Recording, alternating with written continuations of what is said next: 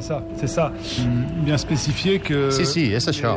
He de deixar clar que la gent que es dedica a fer còmics i la gent que es dedica a produir vi treballen de forma molt particular, amb tota la implicació. La passió en la feina es troba en voler fer un projecte personal, d'autor, de carrera professional, no una obra aïllada. Els autors de còmics que van visitar sovint se'n foten de les modes, del que vendrà, del que la gent vol. La feina del meu amic. Richard també és una feina que implica passió i ètica, perquè Richard podria fer produccions més grans de vi, però prefereix centrar-se en una feina d'autor. La seva feina inclou el procés sencer del vi, plantar la vinya, collir el raïm, posar el vi a les barriques... Això és el que ens explica el protagonista d'avui, Etienne Davidó, als 5 minuts més, que a més doncs, ens porta a fer doncs, una cata de vins, no?, pel que hem pogut escoltar, Roger. Avui us parlem d'un còmic que barreja potser dos petits plaers de la vida, que són els còmics, que trobo que són, i els bons vins. Eh, per arribar a tastar-los i apreciar quins són els de qualitat, doncs eh, què millor que tenir un bon professor a davant.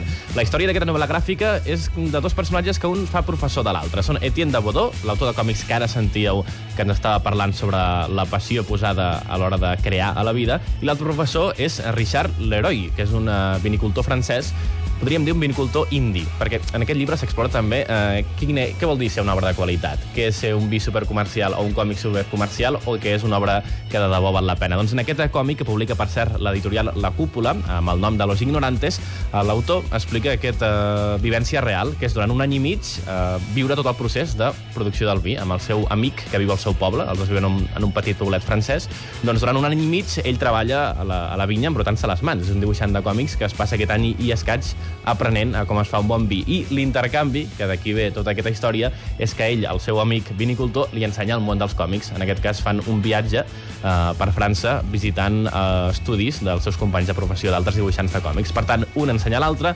l'altre ensenya l'un, i encara que us sembli mentida, doncs troben bastantes analogies en el que és produir vins o dibuixar un bon còmic. Bastantes eh, similituds en què és la, què significa ser pare creador d'una obra i quina relació tens amb allò que tu has creat. Tot plegat és aquest Ignorantes, Los Ignorantes, una novel·la gràfica, sensible, que explica l'intercanvi d'aquestes dues grans passions i que us agradarà. Als que sou orgullosos de ser ignorants com nosaltres.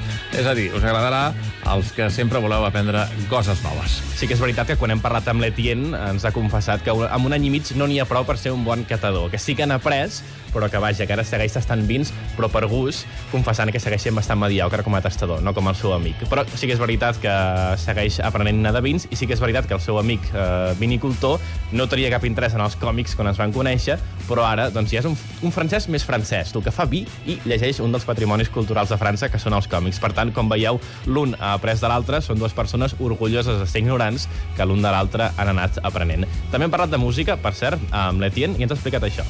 J'ai illustré la pochette de, du disque d'un jeune chanteur He français. il·lustrat el nou àlbum d'un músic francès que crec que no el coneixeu. Es diu Mathieu Bermelon. Fa cançó francesa. Us pot recordar un altre músic, l'Alan Souchon. Matthew Bermelon és jove. La seva música té un estil irònic, tendre i també profund. Crec que la cançó francesa actual no s'exporta prou bé. La, la chanson française s'exporte très mal. Le pianiste du transatlantique dans le nightclub à l'arrière du paquebot joue du Havre aux Amériques. La tête dans le seau, les dix doigts sur le piano. De la passerelle aux cabines bâbord résonnent les quelques accords. Oh, de celui qui blanc comme un mort, doit faire valser le commandant de bord. Le roulis du bateau donne le tempo